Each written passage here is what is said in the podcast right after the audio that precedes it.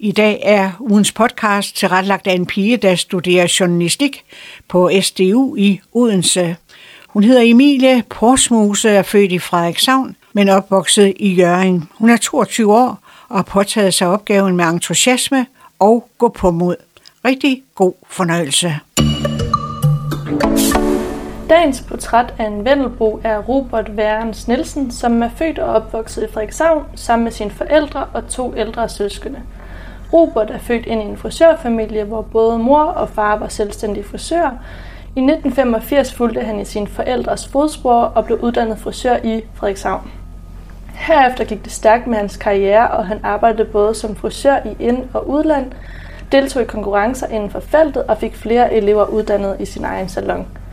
En dag valgte han at skifte frisør sagtens ud med arbejdshandskerne, da han blev træt af at arbejde som frisør.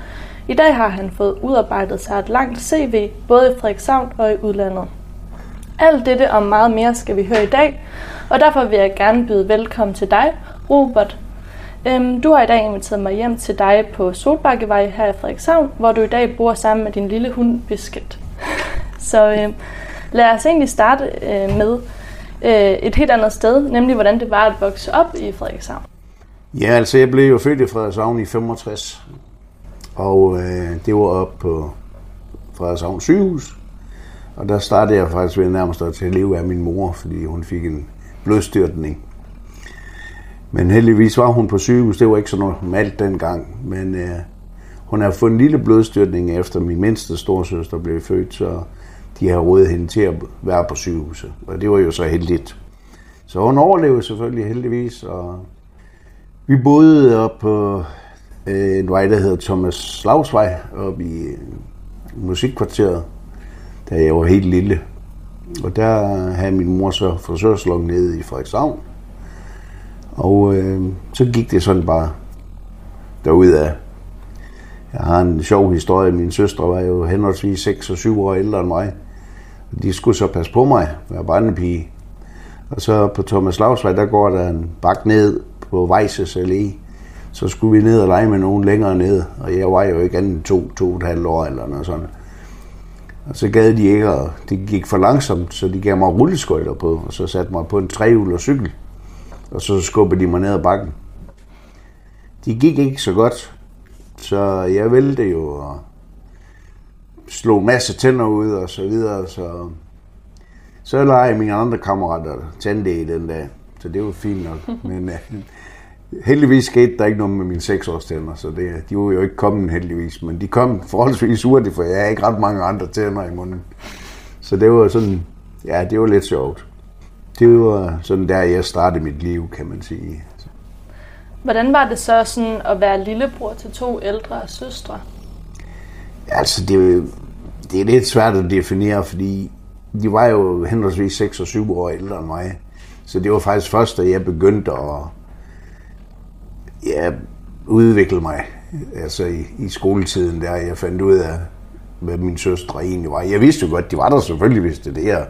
De syntes jo, jeg var pisse irriterende, fordi når de skulle ned, som det hed dengang, og se på vinduer, så skulle jeg altid med, fordi min far var så bange for, at de skulle rode sig ud i noget. Så det var, jeg var sådan en klods om benet for dem, fordi det var, og det kan jeg jo godt se.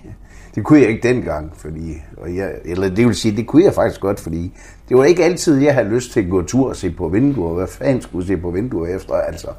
Men det gjorde man jo dengang. Det var sådan lidt anderledes øh, måde at vokse op på. Så det. Men så da jeg så kom med, blev 12-13 år og sådan noget, hvor der begyndte vi at kunne få fornøjelse af hinanden og hjælpe hinanden på forskellige måder og sådan noget. Så, så jeg havde en meget tryg opvækst, kan man sige. Det havde jeg.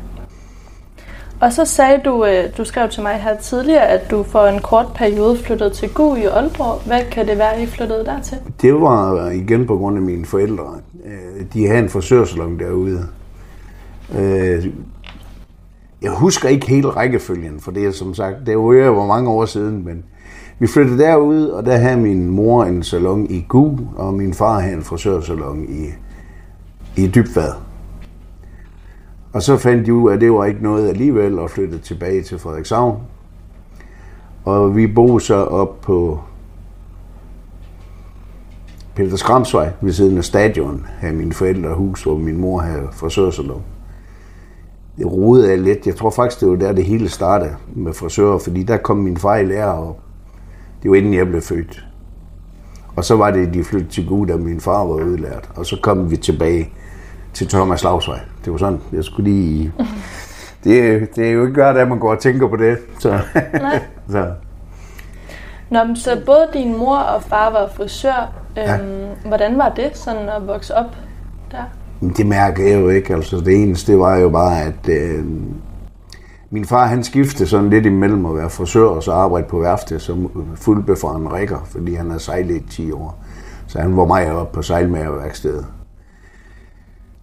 Så det var fortrinsvis min mor, der var mest frisør, men min far havde jo også uddannelsen og tog præmier også i konkurrencer og sådan nogle ting der. Det gjorde min mor så i øvrigt også. Øh. Og han kom så, han var så på værftet i mange år, men kom så tilbage til faget øh, i forbindelse med, at de købte to frisørsalonger op i Skagen.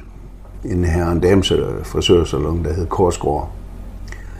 Øh, og det var så fordi mine for- store søstre, de var begge to, kom de lære som frisør også. Og så var det meningen, de skulle drive dem. Men så min ældste store søster fandt sin mand, og han skulle uddanne sig til politibetjent, så de flyttede til København. Og så stoppede min far med at arbejde på værftet og arbejde i Skagen i stedet for i frisørsalongen. Så det har været sådan lidt fra og tilbage med ham.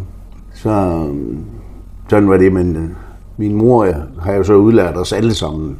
Så igennem tiderne der. Så, og oppe i Korsgårds øh, frisørsalon der, det var mange af hunder og Shortsen, som kom der, blandt andet prinsesse Benedikte og sådan noget. Så. Nå, okay. Jeg glemmer aldrig, at min mor stod og klippe en ambassadørfru. Og så siger hun så til hende, ja, nu bor de jo i Bredgade, så det er jo altid os fru et eller andet. Der sagde man jo, de dem og deres. Og så sagde hun lige så distingueret, de hedder Bredgade, fru Nielsen. Der er ingen D i. Nå, okay. Så, der, der lærte jeg jo også at tale pænt, kan man sige. Det er der jo mange, der ikke lige ved i dag, hvordan man siger, de er dem og deres, og så videre og så videre. så det var en sjov tid også. Og hvad så som, som dreng i Frederikshavn, hvad, hvad fik du så tiden til at gå med? Jeg spillede jo fodbold og gik til spejder, og så dyrkede jeg kampsport. Jeg var inden for noget, der hed Shotokan Karate Klub. Ja, så efter skole, så var vi ude at lege, hvor vi legede cowboy og indianer, og spark til bøtten, og spille rundbold, og fodbold i fritiden. Og der var ikke noget, der hed computer og mobiltelefoner og sådan noget dengang, så og så boede jeg på Vintersvej. Mine forældre havde købt øh, husene på Vintersvej efter den gamle købmand Kofod i Esvinge dernede. Og ned der øh, ved Plantagevej, der lå der et stort areal ved en mark. Så der leger vi meget, der graver vi jordhuler og alt. Jeg husker specielt en gang, vi legede kobold og indianer, så tog vi en til fange, det var så vinerbagerens søn, han hed Tommy ham bandt vi til en totramspæl, og så tændte vi ild omkring, og vi var jo ikke ret gamle, vi var jo de der 8-9 år. Men øh, alt var jo tilladt dengang, altså det, det, blev, det man ikke døde af, det blev man stærk af. Sådan var det jo dengang. Så vi bandt ham jo fast, og så lige pludselig så klokken 6, så skulle jeg hjem og spise alt sammen, så glemte vi ham. Så stod han bundet til den totramspæl med ild omkring sig. Så det var noget af en oplevelse. Han var ikke så glad. Hvordan blev han så fundet igen? Ja, det var ved, at bagerens mor ringede til min mor og spurgte, om vi har set Tommy. Og så spørger min mor, har du set Tommy? Nej, det havde jeg ikke. Han var der gået hjem, da jeg gik, sagde jeg så. Jeg vidste ikke lige, hvordan jeg skulle gøre det der, fordi så vidste jeg jo godt, at han stod bundet dernede. Vi havde glemt at løsne ham op. Så jeg kom jo så med en undskyldning, fordi når nu der var begyndt at blive mørkt, så kunne du ikke få lov at komme ud længere at jeg havde glemt min trøje nede på marken, som vi kaldte det. Så om jeg ikke lige kunne få lov at løbe ned og hente den, jo, det kunne jeg godt. Og så løb jeg jo ned. Jeg har ikke glemt nogen trøje, men jeg har glemt Tommy. Så, så løsnede jeg jo ham, og han var ikke særlig godt humør, det var han godt nok ikke. Men så sagde jeg til ham, nu siger du ikke noget til dine forældre, så banker jeg dig. Sådan var det jo dengang. Så han var kommet hjem til hans mor, og hun var jo, han var jo fuldstændig møgbeskidt i hovedet af alt det røg og så videre. Hvor har du da været henne? Jamen han havde, han havde gået ned i en af de jordhuller, vi havde lavet, og så var han faldet i søvn, og den hoppede hun så på, så det var fint nok. Så. Nå, Sådan var der så mange oplevelser dengang. Der var skæg og ballade. Ja. Men der var ikke nogen, der kom noget til, mærkeligt nok egentlig. Men øh, det var der ikke. Så vi leger bare. Så. Øhm, og så har du også gået meget til spejder. Ja. Jeg gik jo til spejder øh, fra jeg var 6, 6 eller 7 år, startede jeg som ung, øh, ulveunge i første fræsavn nede på Nytog, Stjernen hed det. Og øh, det var så min moster, Bodil Wilhelmsen, som øh, var spejderleder sammen med hendes mand. Arthur Wilhelmsen, han var så spejderleder fra Storspejderne. Så øh, der der brugte jeg meget tid i med, at vi var på landslejr, vi var tur i Skotland og samlede penge ind til de forskellige ting og sådan noget, gik Mars og ja, det var, det var, det var sjovt. Og så da jeg blev i 17, så blev jeg spurgt, om ikke jeg kunne tænke mig at være spejderleder for juniorerne. Og det var jeg så i, i et års tid, godt og vel. Så var det, jeg rejste til Norge, efter jeg var uddannet som frisør, og arbejdede som frisør deroppe på en stor salon. Ja. Så Savner du så din tid som øh, spejderleder og gå til spejder? Altså, det var jo noget specielt. Altså, det, jeg vil ikke sige, at jeg savner det, men jeg har da mange gode minder derfra. Altså, nu er jeg jo efterhånden ved at være 58, så jeg går ikke sådan og tænker så meget over det, men jeg, jeg har rigtig, rigtig, rigtig mange gode oplevelser fra, fra spejderlivet. Det har jeg virkelig. Mm. Og det var jo så også det, der gjorde, at jeg kom tilbage fra, undskyld, øh, tilbage fra Norge som frisør, at, og jeg startede op selv, at jeg kom ind på at være leder for noget, der hed Sommerskolen.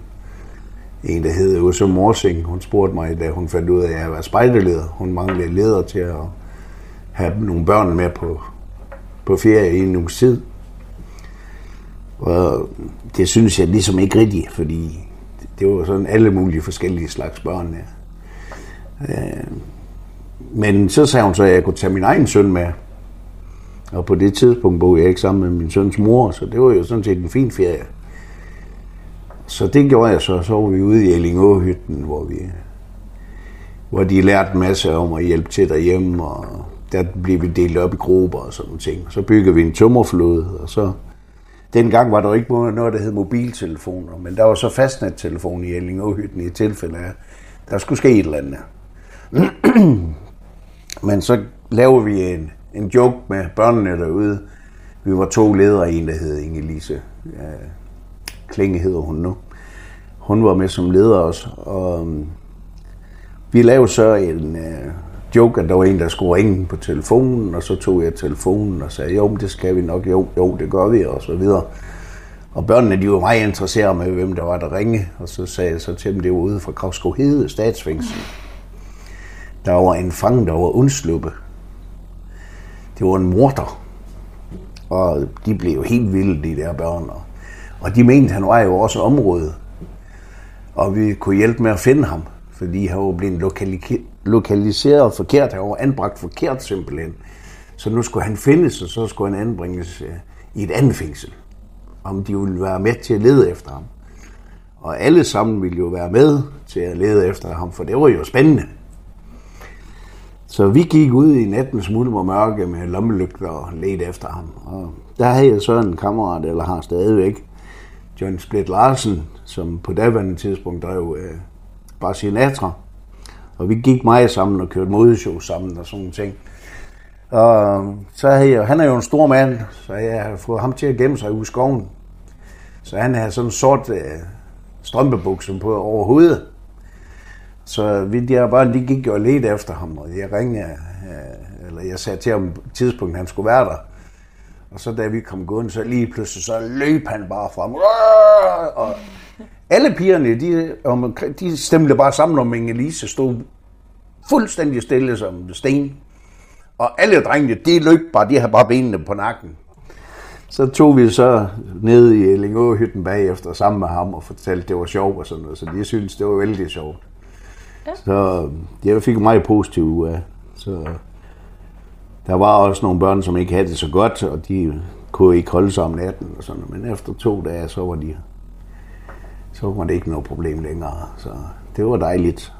Og året efter tog vi så til Læsø, hvor vi cyklede rundt og så det meste af Læsø. Og havde det meget sjovt deroppe. Jeg husker, at der var en, en der hed Christian, han ville gerne føre sig frem.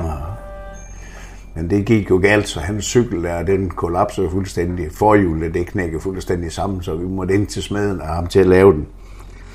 Så det var jo pænt gjort af ham. Det skulle han ikke have noget for, fordi vi havde jo ikke så mange penge med nogen af os. Så, så det var meget sjovt, og den samme Christian der, han fik komme gående ned på stranden, så lå der nogle nudister dernede.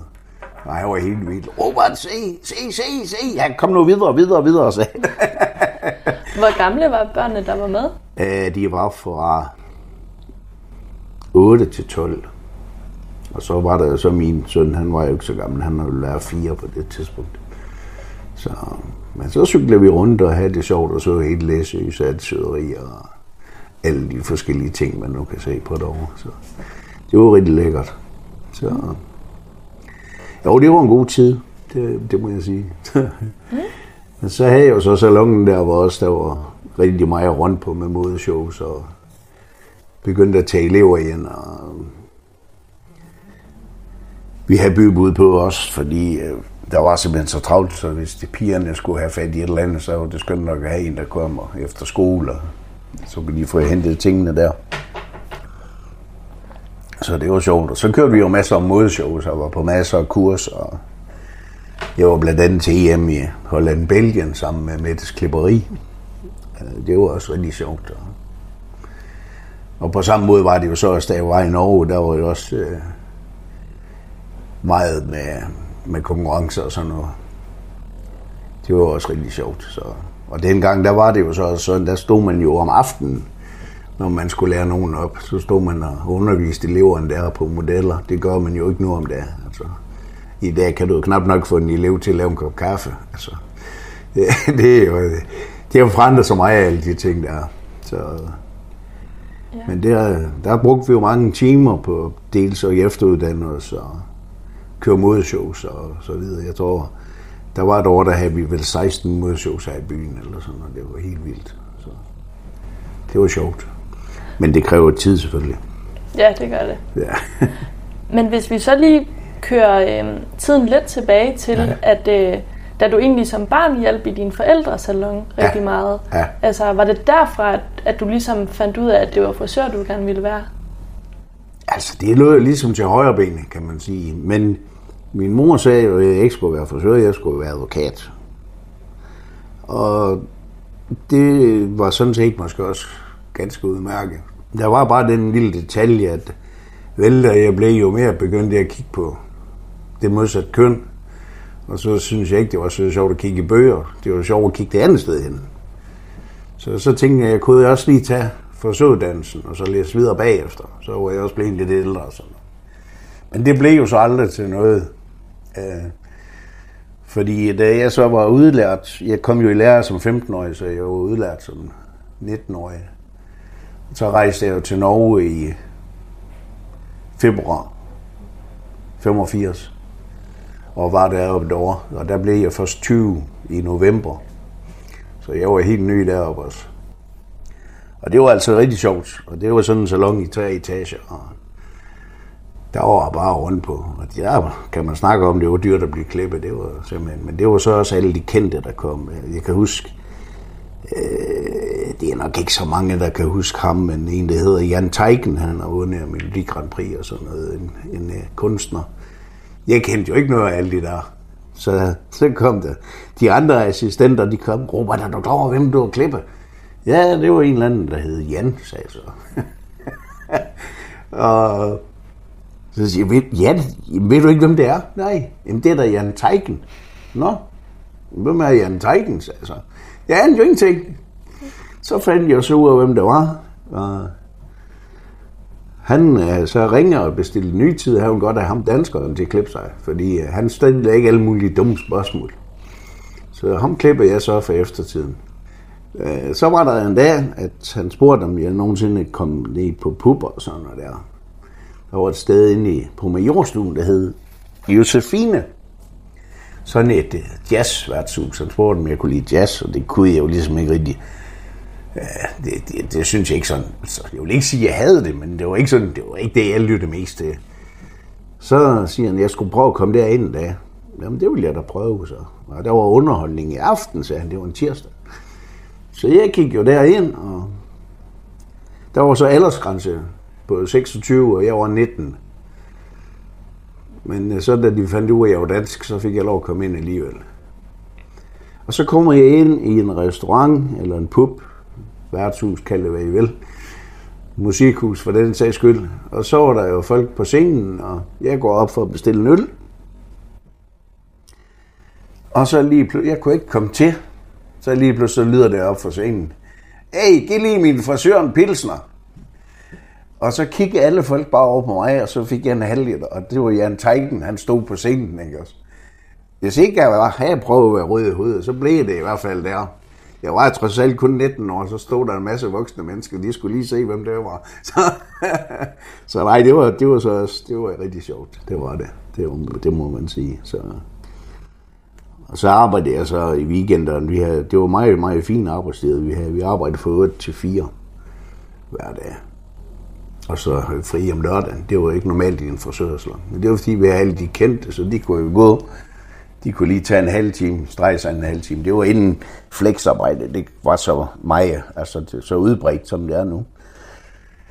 Men så begyndte vi jo så, så i weekenderne, når ikke jeg skulle rejse hjem, så laver jeg alt muligt andet. Jeg lave bådmotorer, og jeg øh, malede hus, og jeg gik som urarbejdsmand inden for, for, hvad hedder det, øh, for en mur der, og var med til at bygge nogle tankstationer og noget. Det var jo også meget sjovt. Og så rejste jeg så til Danmark en gang imellem. Så med kufferten fyldt op med smøger. Det var dengang, det kunne svare sig. Så, og så mødte jeg sådan tollerne i, i øh, i tøllen selvfølgelig, ja. Han siger så, hvad så, Robert? Er du hjemme fra Norge nu? Ja, ja. Ja, din mor, hun skal op i erhvervsklubben. Det var dengang, det hedder erhvervsmessen op i FFK-hallen. Hun skulle have en stand op. Ja, det ved jeg godt. Jeg skal lige hjem og hjælpe lidt her i weekenden, sagde jeg så, med at gøre nogle ting klar. Og, sådan og så stod vi sådan og snakkede, og så siger han, jeg har ikke tid til det her, siger han. Så jeg var jo narkobetjent, altså. Så siger han, så lige sådan henkastet, hvad er har du noget, har du noget i tasken, du, du, skal fortælle? Ja, ja, jeg har hele tasken fyldt op med smøger, så altså. Det er jo sådan en stor, kæmpe stor sportstask. Ja, ja, den er god med dig, Robert. Kan du nu have en god weekend? Ja, tak i lige måde. Og så var sportstasken var fyldt op med smøger. Jeg havde kun et par underbukser og en t-shirt med hjem. Så, øhm, men jeg har jo sagt det, så jeg var jo ikke, jeg snød jo ikke, altså. Men ja, det var, det var sådan, der var sådan en masse oplevelser med det der rejsen frem og tilbage. Der, der skulle man heller ikke have kahyt. Der kunne man bare altså vågne en natten. Så det var forholdsvis billigt at, at rejse dengang. Så. Hvor tit uh, rejste du så til, tilbage til Frederikshavn? Jeg var cirka en gang om måneden. Cirka. Nogle gange gik der lidt ekstra tid. Det afhang af, hvor meget der var at lave af salongen. De begyndte jo, inden, lige inden jeg stoppede, begyndte de at holde åben om, uh, om lørdagen. Så det var så frivilligt, om man ville arbejde om lørdagen. Så fik man bare de flere procenter øh, af det, man tjente ind. Så, så det var fint nok. Så der var nogle gange op til højtider, som og så blev jeg derop. Hvad kan det egentlig være, at, øh, at du efter, at du blev uddannet frisør her i Frederikshavn, du så valgte at flytte til Oslo og, og arbejde der? Nu siger jeg nok noget, der ikke lyder så godt, men det er jo fordi Frederikshavn er en lille by. Og jeg vil ud og se noget, jeg vil ud og prøve kræfter øh, med de lidt større sådan. Man har jo med, når man går i Frederikshavn, så, så sker der ingenting. Altså, i princippet. Men det gør der, man lægger bare ikke mærke til det. Øh, men jeg kunne godt tænke mig at komme ud og få nogle andre udfordringer og sådan noget, fordi jeg kendte jo faktisk det meste af byen i forvejen allerede dengang, på på grund af, at jeg dyrker så meget sport og gået i byen og hvad det hedder alt sammen. Ikke? Så jeg søgte nye udfordringer, og så skulle det enten være København eller Oslo. Og så satte jeg en annonce i Aftenposten, hedder den, op i Norge. Bare sådan en lille rubrikannonce. Øh, nyudlært frisør søger arbejde, ikke ryger. Det har jeg at vide, det skulle man skrive. Der fik jeg fire steder, jeg kunne starte med det samme. Men så blev jeg jo ligesom nødt til at rejse til Norge. Det var første gang, jeg var i Norge. Og så fandt jeg så ud af hver der, hvor jeg så endte med at skrive under på arbejdskontrakt. Og det var simpelthen for at få nogle udfordringer, at lære noget andet, og se noget andet. Og, og som jeg sagde der med, der sker ikke noget her i byen. Altså, men det må jeg jo sige, når jeg så kom hjem, så jeg, hold op, der er sket det og sådan Nå ja, det er det også. Altså jeg spurgte, hvad er så sket, mens jeg er væk? Der er ikke sket noget. Ikke? Fordi folk lægger ikke mærke til det, fordi det går stille og roligt. Så de glider bare ind i det. Men når man er væk fra byen, så kan man ligesom se, hvad, hvad ting, der har ændret sig, siden man var der sidst. Ikke også? Så. Men det var simpelthen, det var for udfordringens skyld. Mm. Og så, jeg flyttede jo forholdsvis tidligt hjemmefra. Øh, men her der stod jeg jo helt alene lige pludselig. Og jeg har aldrig været i før. Jeg kunne ikke ord norsk. Jeg snakkede engelsk med mine kollegaer til at starte med, indtil jeg lærte sprog. Så det var, det var lidt sjovt også. Men øh, sådan var det. Hvad så med dine to søstre, som der jo også er, var udlært frisør? Vil de også gerne prøve, prøve din vej, hvor du flyttede til Oslo? Nej, de havde jo deres kærester og var sat øh, på den måde, så min, min ældste storsøster fik jo en salon ude i... Da de kom fra København, så fik hun en salon ude i Vestbjerg, fordi han fik, som betjent fik han arbejde i Aalborg.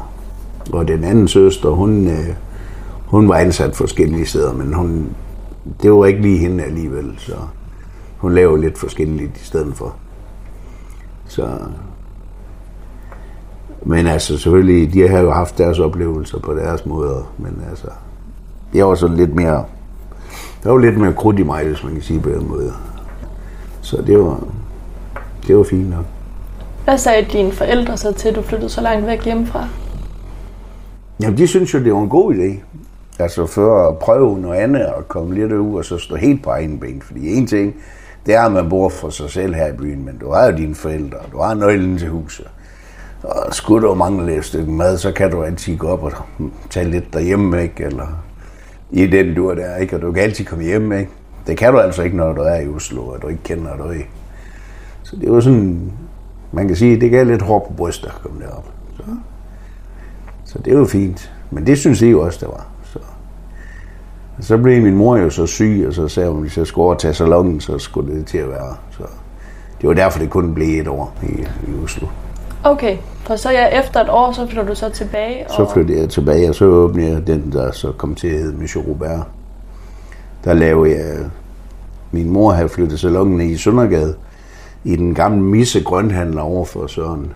Sørens isbåd, der var kiosken lå, som ham dejen han havde her til sidst. Og der har vi så lavet det nødtoft i stand, men så kom jeg hjem, så lavede vi det 100 procent, og så det så lidt mere ungdomligt ud, men det gik jo så hurtigt, så efter to år, så købte jeg Frigas, øh, fotograf Friga, hendes hus, og så tilhørende Strandhave Foto, det var jo samme ejendom. Og så lavede jeg så salon deroppe. Så det var, det var fint. Ja, var det der lokalerne på Kalk? Det var på Kalkværksvej, ja. Der, hvor du flyttede hen? Ja. Ja. Øh, og hvad kan det være, du flyttede derhen til? Det er jo pladsmangel. Altså, det havde jo en lille salon, jeg havde kun én vaskestol, og øh, der var jeg gang i, når jeg var begyndt at ansætte folk, og øh, vi kunne ikke være der simpelthen. Så så lavede jeg en aftale med hende Frika om at købe hendes hus, og så byggede jeg hele hendes privat om til øh, frisørsalon. Så så havde vi lige pludselig fire vaskestole og så videre og så videre og så videre. Moderne der med udsugning og alt det. Det var lige kommet på banen dengang. Så det var fint nok. Ja. Og der havde du også fået uddannet en masse, sagde du? Ja, jeg startede med den første elev i Søndergade. Det er hende Lotte Lassen, som driver den sidste salon, jeg her. der hed Konturklip. Den kører hun stadigvæk op i Svinger op på Råholdvej 62. Øh, hende udlærte jeg, og så udlærte jeg Henriette, som har hårgalleriet sammen med, nu kan jeg ikke huske, hvad hun hedder selvfølgelig. Og så en, der hedder Brian Mose Christensen, som er i København. Og så er jeg så ansat Bettina, hende som har arkadesalongen, og Mette, hende som havde Mettes Klipperi. Og så har jeg en, der, en, en, der hedder Marianne, som har en stor salon i Aarhus. Så alle, stort set alle dem, jeg har haft ansat, der har været en eller anden lederstilling eller selvstændig bagefter. Ja. Det har været mig. Så det var meget sjovt. Jeg tror, vi var med bybud. Jeg tror, vi var syv fuldtidsansatte. Eller det var ikke fuldtid. Bybud er jo ikke fuldtid, men vi var i hvert fald seks på, på et tidspunkt. Seks udlærte på fuldtid. Så. Og så i 95, så flytter du så din salon ned i din forældres kælder. Ja, det var lige et kort øjeblik. Der havde, jeg røget i noget økonomisk ufør og sådan noget. Så der startede jeg så, der lavede jeg salon dernede, men uh, så skulle jeg så til at arbejde et andet sted, og det, som forsøger, og det ville jeg ikke. Så fandt jeg så et arbejde ude på Martin, i den i pakkerier, ude på Martin Lysfabrik dengang. Ude på Saltebakken, og der gik jeg så og arbejdede om dagen, og så arbejdede jeg i salongen om aftenen. Men der blev lokaleren også for lille. Der, blev, der ansatte jeg så Lotte to dage om ugen til at komme om eftermiddagen, når jeg er fri. Og um, det gik jo slet ikke. Så jeg skulle have salongen, så spurgte jeg Lotte, om hun ville starte fuldtid med mig Og vi svingede Og så fik jeg, det var, der lå spray S-video ved en, der hedder Jens Valentin Christensen, han havde den. Og jeg har så hørt, ham lukke. Men mine forældre havde jo så solgt huset, men så var min mor var gået ind og død. Og der var det jo meningen, at min far og mig så skulle have købt øh, et andet hus. Men det gik i vasken. Det var ellers fint. Der var to lejligheder ved jorden og så et butikslokale. Det er passet fint jo. Så kunne jeg passe på min far også. Men øh, det gik jo ikke. Og så havde jeg hørt det der, og så ringede jeg. Eller jeg kørte op til Spires Video. Men han kunne ikke selv før 1. oktober. Jeg skulle bruge det lokale 1. august. Så jeg blev jo ved. Så til sidst så lavede vi så en pris på det. Og så skulle jeg skaffe pengene samme dag, kontant. Og der havde jeg sat penge i banken, det var en lørdag eftermiddag. Og han ville ikke tage imod check eller noget som helst. Det havde man jo den gang. Så jeg var rundt ved Gud og være med og låne penge forskellige selvstændige og så videre. Jeg kunne låne penge. Altså, jeg er her til klokken 6 lørdag aften, jeg glemmer det aldrig. Klokken 5 minutter i 6, der kom jeg med alle pengene. Så det, Så var det, så var det mit lokal, og så 14 dage efter, så stod der en salon der. Der var mange videofilm. Der var tusindvis af videofilm. Min lejlighed, jeg boede nede i Remmelsgården dengang, over 40 var i en skole.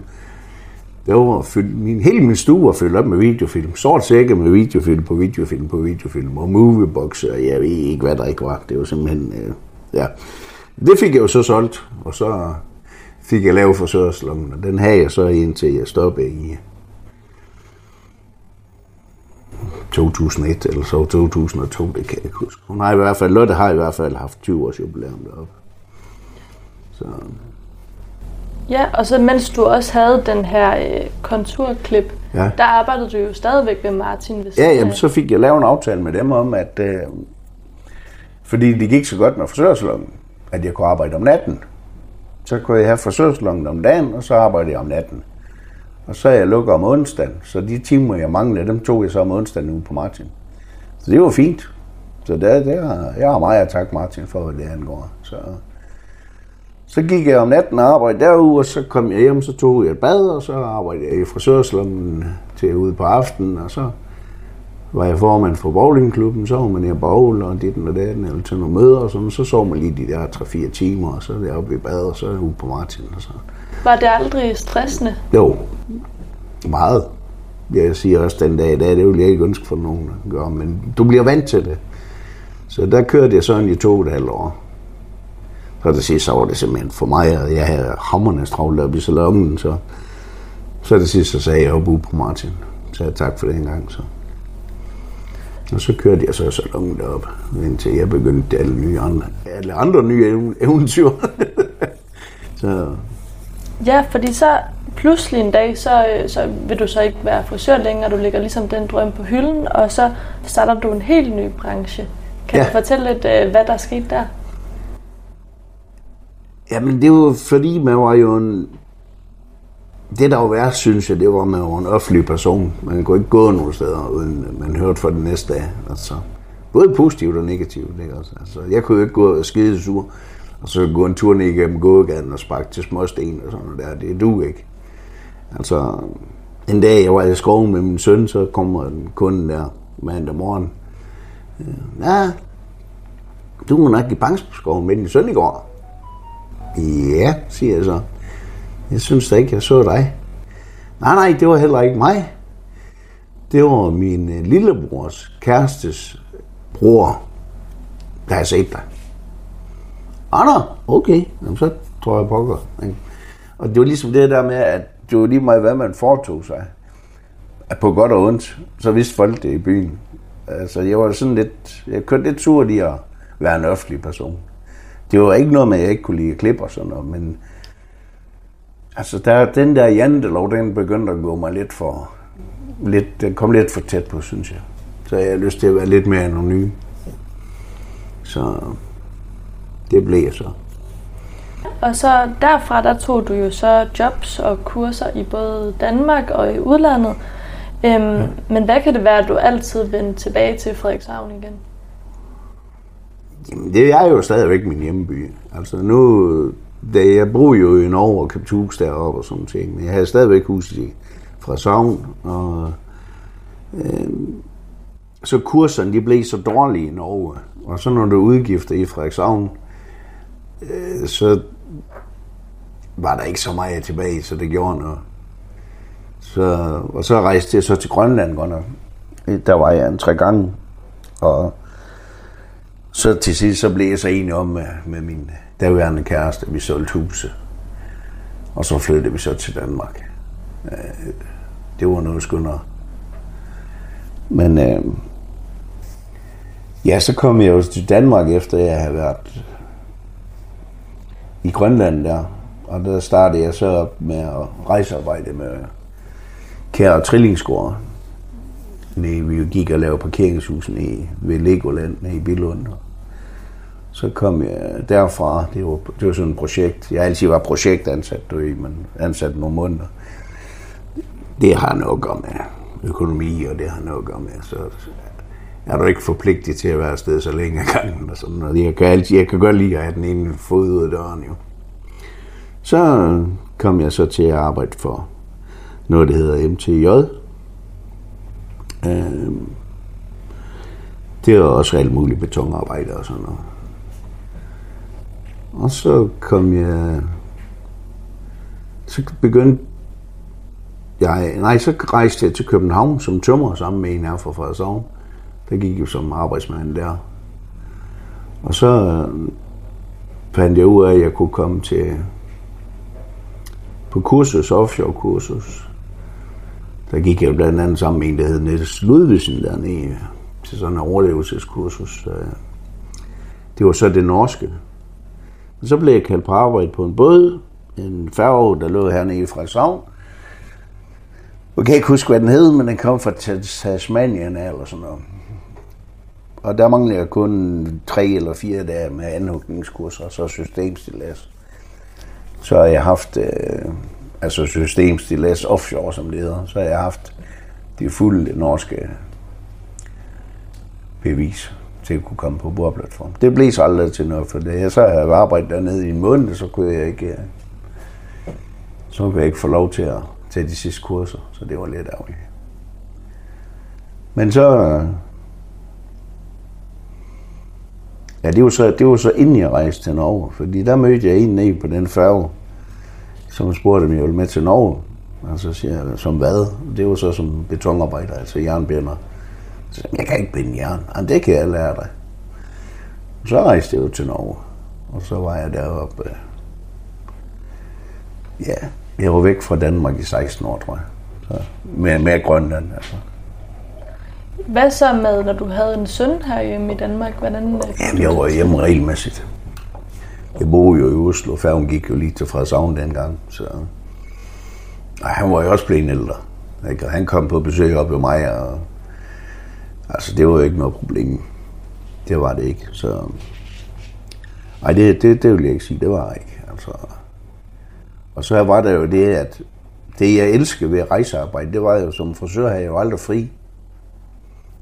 Der var jo ikke rigtig, jeg kunne ikke tage 14 dages ferie og sådan noget.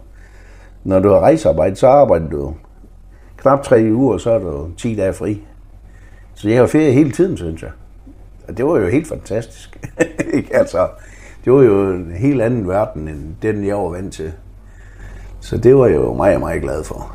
Jeg savner egentlig stadigvæk at komme rundt sådan, men det kan jeg jo ikke mere på grund af mit helbred. Men, uh, nej, men det var, det, var, det, var, det var fint, så der var ikke nogen problemer med ham. Altså. Det var, og så var der også noget, der hed telefon, så kunne man jo ringe sammen, hvis der var noget, der skulle klares. Så under den her, hvor du, hvor du ligesom gik væk fra frisørverdenen, savnede du det aldrig? At, øh...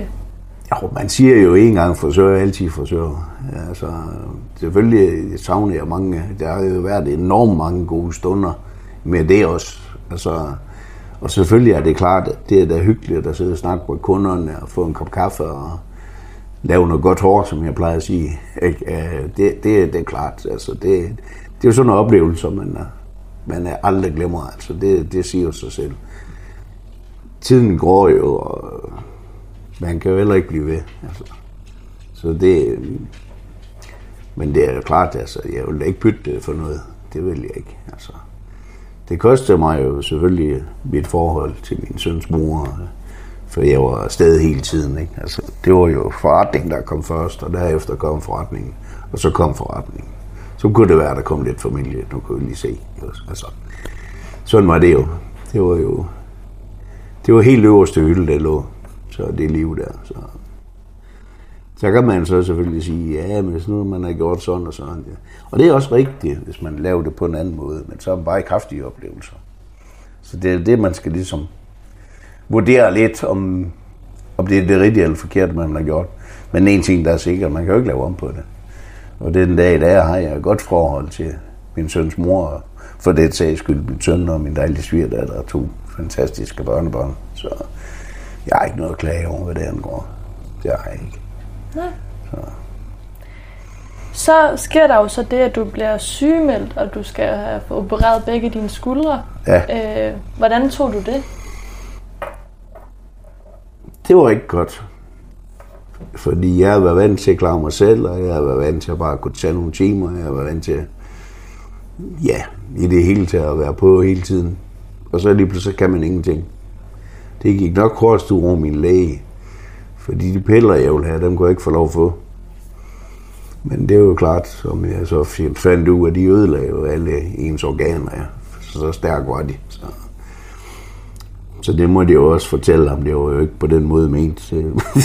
men, øh, men nej, det var svært. Det er svært, og det er det stadigvæk. Øh, man går her, og man slidgik i ryggen. Og jeg har haft min hånd i en, øh, i en rundsav, og jeg har rykket min bicepsmuskel over her. Begge to i venstre arm og venstre hånd, ikke? Og så er jeg venstre hånd samtidig med, så det er ikke så heldigt. Så, ej, det er svært at vende sig til. Når man er vant til at køre med 180 km i timen, så kører du lige pludselig minus 180. Det, det går ligesom modsat vej. Så, så det er, nej, det, det, det, er ikke, øh, det er ikke positivt. Det ville mig hellere have haft mit arbejde. Det må jeg indrømme. Altså, jeg prøver, jeg har jo fundet ud af, at det er jo blevet for hårdt med det betonarbejde, så jeg begyndte som vinduespusser. Men det er jo heller ikke alt for sundt for skuldrene, så det måtte jeg jo så også droppe igen. Så. Men jeg har aldrig prøvet, jeg har aldrig været bange for prøven, altså, så, men når kroppen ikke vil mere, så er der ikke rigtig noget at gøre ved det. Så, så nu går jeg og hygger mig med en lille hund. ja. Ja, fordi nu har du så fået tildelt førtidspension. Ja. Øh, hvad får du så dagen til at gå med? Jamen, jeg har heldigvis en stor berøringsflade. Øh, og det har jeg aldrig haft. Så jeg snakker med mange af dem øh, stadigvæk. Og Så er jeg jo så taget uddannelse som regnskabsøkonom. Den tog jeg jo i Norge. Så der kommer jeg til nogen, der lige har nogle papirer, de skal få nu et eller andet her. Så sidder jeg og hjælper dem lidt med det. Men det er jo klart, man kan ikke være på hele tiden, fordi det, smerterne, de er der jo. Jeg får jo mange smertestillende medicin, og så jeg er hen og sover en gang imellem. Ja, ellers så går tiden med hunden og diverse ting. Altså, jeg kan ikke rigtig lave noget håndværksmæssigt længere, det kan jeg ikke. Og ja, det er sådan, den, den går bare. Den, nu har man ligesom givet ned, så nu, det går bare slag i slag. Så, så er jeg så også, øh, nu er jeg så med, jeg er stadigvæk med i bowlingklubben, men jeg kan ikke rigtig bowl, men der er jeg kasserer, så der laver jeg alle regnskaber og sådan, og stadigvæk, jeg var med til at starte den klub, jeg har nu, så den er 25 år gammel snart, så der er jeg så den eneste, der er tilbage fra starten af. Så. Men der har vi en fin bowlingklub, så der er jeg nede, det træner hver torsdag, så er jeg lige med at sige hej og sådan noget der. Så. Og så, så er jeg også med i noget, der hedder Dansk Broderorden. Der, det er hver tirsdag, hvor man mødes og hygger sig og så videre. Så er noget i den, der hedder Seniorklubben, det er hver torsdag, hver anden torsdag, så sidder vi og får rundstykker og sådan og sådan. Så jeg kommer lidt ud, så det, det er dejligt nok. Synes du så, at det er svært ikke at kunne arbejde nu, hvor det ligesom det, du har været vant til hele livet? Ja, det er jo klart. Altså, det er jo klart, man er vant til.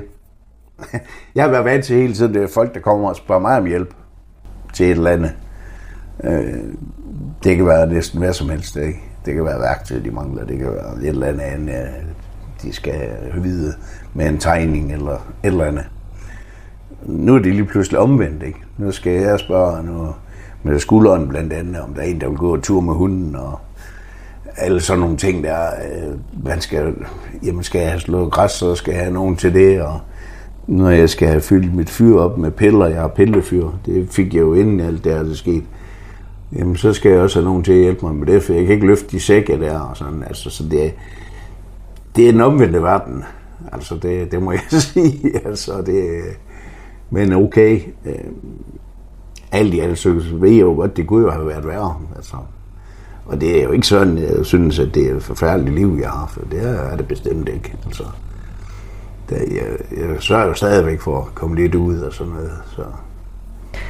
Hvis du så nu sådan ser tilbage på dit liv, hvad er det største højdepunkt i dit liv så? Der er mange, synes jeg.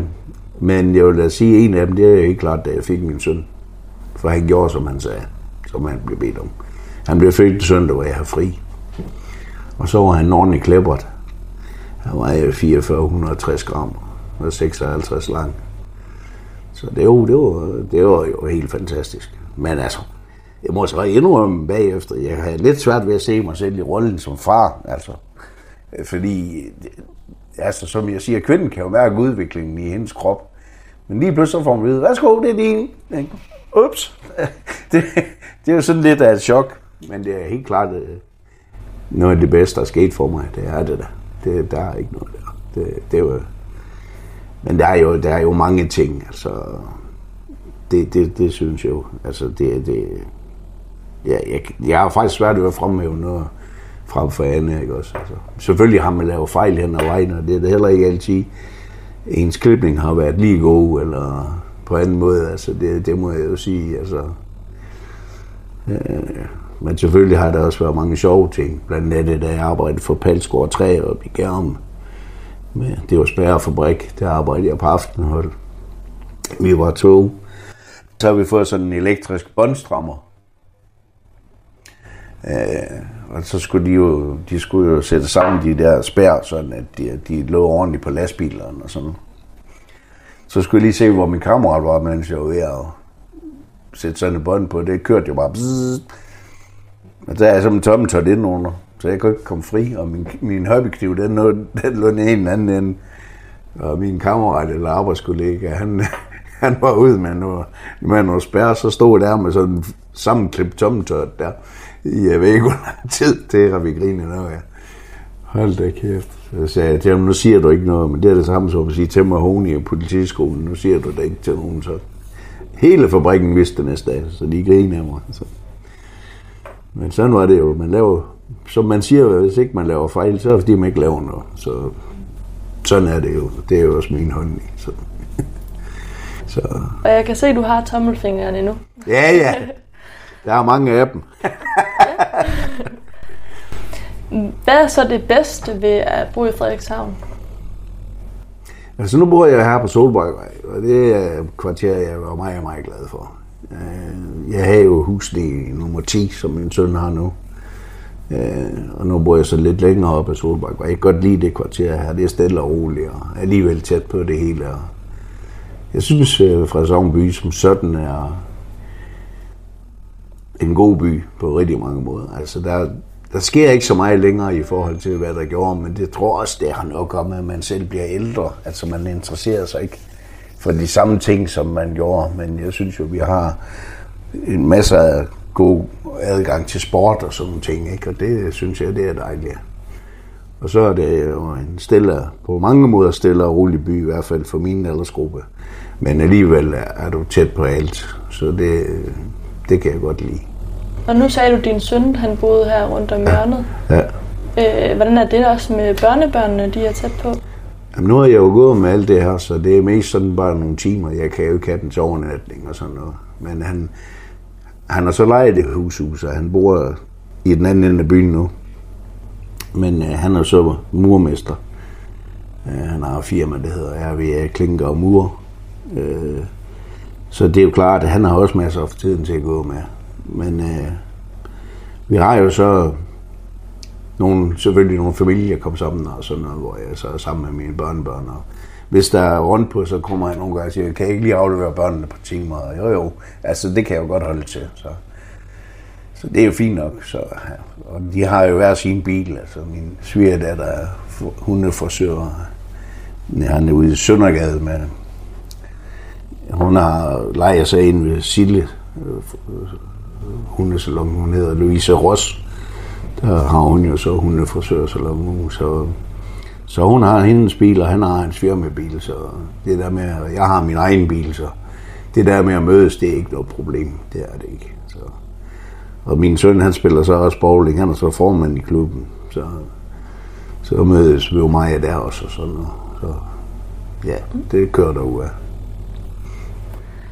Og hvis du så her til sidst sådan vil kigge fremad, øh, hvordan tænker du så om fremtiden? Øh, ja, hvad tænker jeg om fremtiden? Jamen, altså, jeg, det afhænger jo sådan lidt mere af, hvad du mener specifikt. Altså, fordi øh, jeg har det sådan set, det synes jeg hviler godt i mig selv, som jeg har det nu. Altså, jeg har ikke de store planer med at skal sælge den her gamle rønne, og så købe noget andet, eller på anden måde. Altså, jeg tror bare, at min fremtid det bliver sådan noget med at følge lidt med i, hvad der foregår rundt omkring, og deltage i nogle aktiviteter, hvis der er noget, der siger mig noget spændende. Øh, fordi når man er sådan mere eller mindre handicappet, som jeg er, så er det jo begrænset, hvad man kan foretage sig. Altså, jeg kan jo ikke gå og løbe maraton eller på anden måde, det, det har jeg jo simpelthen ikke muligheden for. Altså, så øh, jeg synes egentlig, ja, jeg er sådan set bare glad for hver dag, jeg står op. Så det er sådan min fremtidsplan, jeg har ikke de helt store visioner om noget.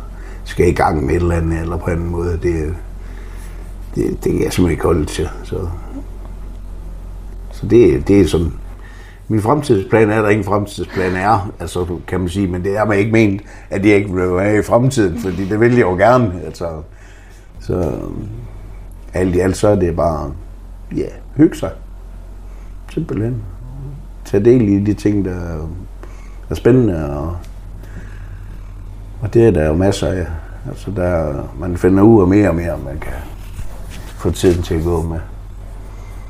Så det, jeg synes på mange måder, at det er en hyggelig by at være i. Så mm. det er dejligt. Ja, fordi nu har du jo rejst meget i dit liv. Ja. Tror du, at, øh, at du bliver i Frederikshavn nu? Nej, det ved jeg ikke. Jeg har godt nok tænkt tanken om at flytte til udlandet, Det har jeg, det må jeg lige om. Men så når jeg tænker over det, så sætter jeg lige fingre finger i jorden og kigger ind i væggen så tænker jeg så, hvad er det, de har i udlandet, der er så meget bedre, end det er her. Og så bliver jeg siddende sådan indtil den tanke, den går over. Men den har strejfet mig. Men det er også, fordi jeg er eventyrlysten. Altså, hvis jeg solgte min ejendom og sådan nogle ting, og fik rådighedsbeløb, så kunne det jo godt være, at man kunne finde på at tage den ud og til nogle lidt varmere himmelstrøg måske også. Eller måske tage en lang tur til Grønland. Være deroppe i lang et stykke tid som turist. Det er så flot deroppe. Og der kunne jeg godt tænke mig at komme, komme godt og grundigt rundt som turist, i stedet for at arbejde hele tiden. Det, det kunne være sjovt. Men det, er jo også, det koster jo en masse penge at komme derop. Men det er jo i hvert fald et feriemål, jeg kunne anbefale. Ja, nu er du jo her sammen med din hund, Biscuit. Ja. Ja. Øh, du havde faktisk en sjov historie om, hvor, øh, hvordan han blev døbt, og hvordan han fik sit navn. Ja, det er rigtigt. Jeg har jo, da jeg boede fast her fra Sogn, der havde jeg altid hund. Og så den sidste hund, jeg havde, øh, før jeg fik ham her, han hed Muffin. Det var en, jeg fik forærende, da han var fem måneder gammel, så det var ikke noget, jeg havde indflydelse på, at han hed Muffin. Og det var jo bare en alle tiders hund, den var så god, som da han var lang. Det var en blanding af alle mulige. Jeg tror, hvordan var det var. Moren, det var en blanding mellem en, en Sankt Berners og en chefer. Og faren var en blanding mellem en irsk sætter og en kokkespaniel. Så der var, det var lidt af det hele hund. Sådan, her. Men øh, den havde jeg så, men så skulle jeg jo så have min søn. Og så min øh, søns mor synes ikke, at det var optimalt at have ham gående. Det var en stor hund jo. Så hun lagde med ham. Så, så blev han så foræret væk til nogen, en, der boede ude i Kvistel. Og der stak han så af fra. Og så blev han desværre kørt ned af toget. Han løb på skinnerne på vej mod Frederikshavn, så det var lidt, det var lidt hårdt. Hun turde heller ikke sige til mig, det gik lang tid inden hun sagde det. Så. så da jeg så fandt ham der, bitte fjeder der, som jeg også kalder ham, så, så tænkte jeg, at han skal hedde Bisket, fordi det var sådan lidt i familie med muffins. Så, så på den måde, så kom han til at hedde Bisket. Så, men ja, han er så en lille hund, det har jeg aldrig haft før. Det er første gang, jeg har haft sådan en lille en, men det bliver jeg nødt til, fordi med det helbred, jeg har, så kan jeg ikke magte en stor hund. Så, så derfor så, men nu har jeg så snart haft ham herhjemme i tre år, så 1. december, så er det tre år siden, han, han kom her hjem og bo. Så ja, det er fint. Så Amager jeg også med alle steder. Jeg har jo stadigvæk noget kontakt med mine gamle arbejdskollegaer, der bor nede ved Skive dernede. Så tager jeg ham med dernede, og så bliver han rigtig forkælet dernede, sådan nogle ting der. Så så det gør jeg så også en gang imellem. Der kører jeg ned og besøger dem, og de kommer herop. Og, og det er jo dejligt nok, at man beholder sit netværk. Så, så snakker jeg også stadigvæk med en af dem, der var på, på Grønland. Han er deroppe stadigvæk, så det er også fint, men jeg har mange, faktisk mange af mine arbejdskollegaer, jeg stadigvæk taler med. Dem, der er i live stadigvæk, vil at mærke. Der forsvinder jeg nogle gange med. Så. Og på samme måde er det med, jeg var jo guldlægger på et tidspunkt ved et nordjysk guldcenter også. Øh, ham, der skaffer mig ind der, det var så min daværende kammerats lillebror. Men nu er jeg så blevet en kammerat med ham i stedet for, så det er jo fint nok. Så, så vi ses også jævnligt. Så, så det, jeg synes, det er dejligt, at man har så stor en berøringsflade, at øh, man ligesom ikke sidder og bare triller tommelfinger og ser fjernsyn hele dagen lang. Så det gør man selvfølgelig også, men altså, der skulle også gerne være plads til lidt af det hele. Så, så hvad det angår, så er det, jo, jeg synes, det er fint. Så så er jeg ham med i hundeskoven en gang imellem os. Det elsker han jo. Han kan løbe frit omkring. Ja, så den her i Frederikshavn? Ja, jeg har, der er en uge Bangsborg, så er det en uge på... Hvad hedder du? Flade Inge. Der er ikke derude, der er det hedder Knivhold. Nej, ikke Knivhold. Hvad hedder det derude? Der er ved øh, Vendsyssel, tror jeg, der, der er også en hundeskole. Der var alle minkfarmen, de lød engang. Så der er også en hundeskov. Og så kan man også tage med ned til vindmøllerne dernede. Der kan han også rende frit, der kommer ikke så mange. Så det er fint nok. Tusind tak, fordi du ville være med til at uh, tage mig ind for i dit liv, Robert. Selv tak da. Det var hyggeligt. Og her slutter dagens portræt af en Vennelbro. I stolen sad Robert Wernes Nielsen, som har inviteret os indenfor i hans liv. Robert er opvokset i en frisørfamilie og er siden fuldt i familiens fodspor.